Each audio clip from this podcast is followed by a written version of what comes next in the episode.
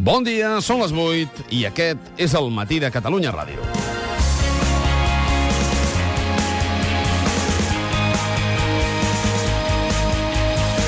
Els pitjors temors del Partit Popular es van confirmant. Amb rapidesa i habilitat, Luis Bárcenas ha començat a moure els fils des de la presó. La primera entrega ha estat un full petit, amb un contingut que ja coneixíem, però que té una gran diferència respecte als papers publicats pel diari El País. La gran diferència del full que ara ha fet públic El Mundo és que és original. Un paper arrencat d'una llibreta, escrita a dues cares, amb sis columnes separades per línies vermelles. Un full que ja ha estat estudiat, però que ara arriba en versió original. El PP nega que sigui autèntic des del primer moment. Un PP que va arribar a argumentar que els papers que van sortir aleshores havien estat confeccionats específicament per aquella ocasió.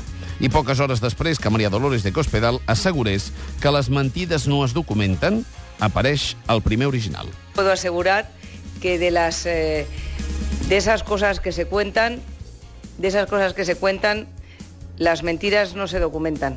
Cospedal ho deia al migdia per sortir al pas de la informació publicada i firmada per Pedro J. Ramírez. Poc després, el mateix director del Mundo entregava a l'Audiència Nacional el suposat document original sobre la presumpta doble comptabilitat del Partit Popular.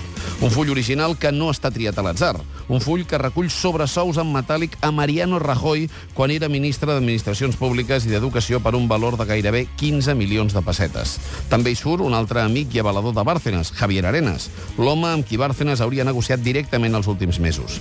I per si les vies d'aigua no fossin prou greus, Anonymous ha penjat a la xarxa el que diuen que és la comptabilitat oficial del Partit Popular des del 90 fins al 2011, comptabilitat que el PP assegurava no tenir en part, 5 anys més del que el PP va poder documentar.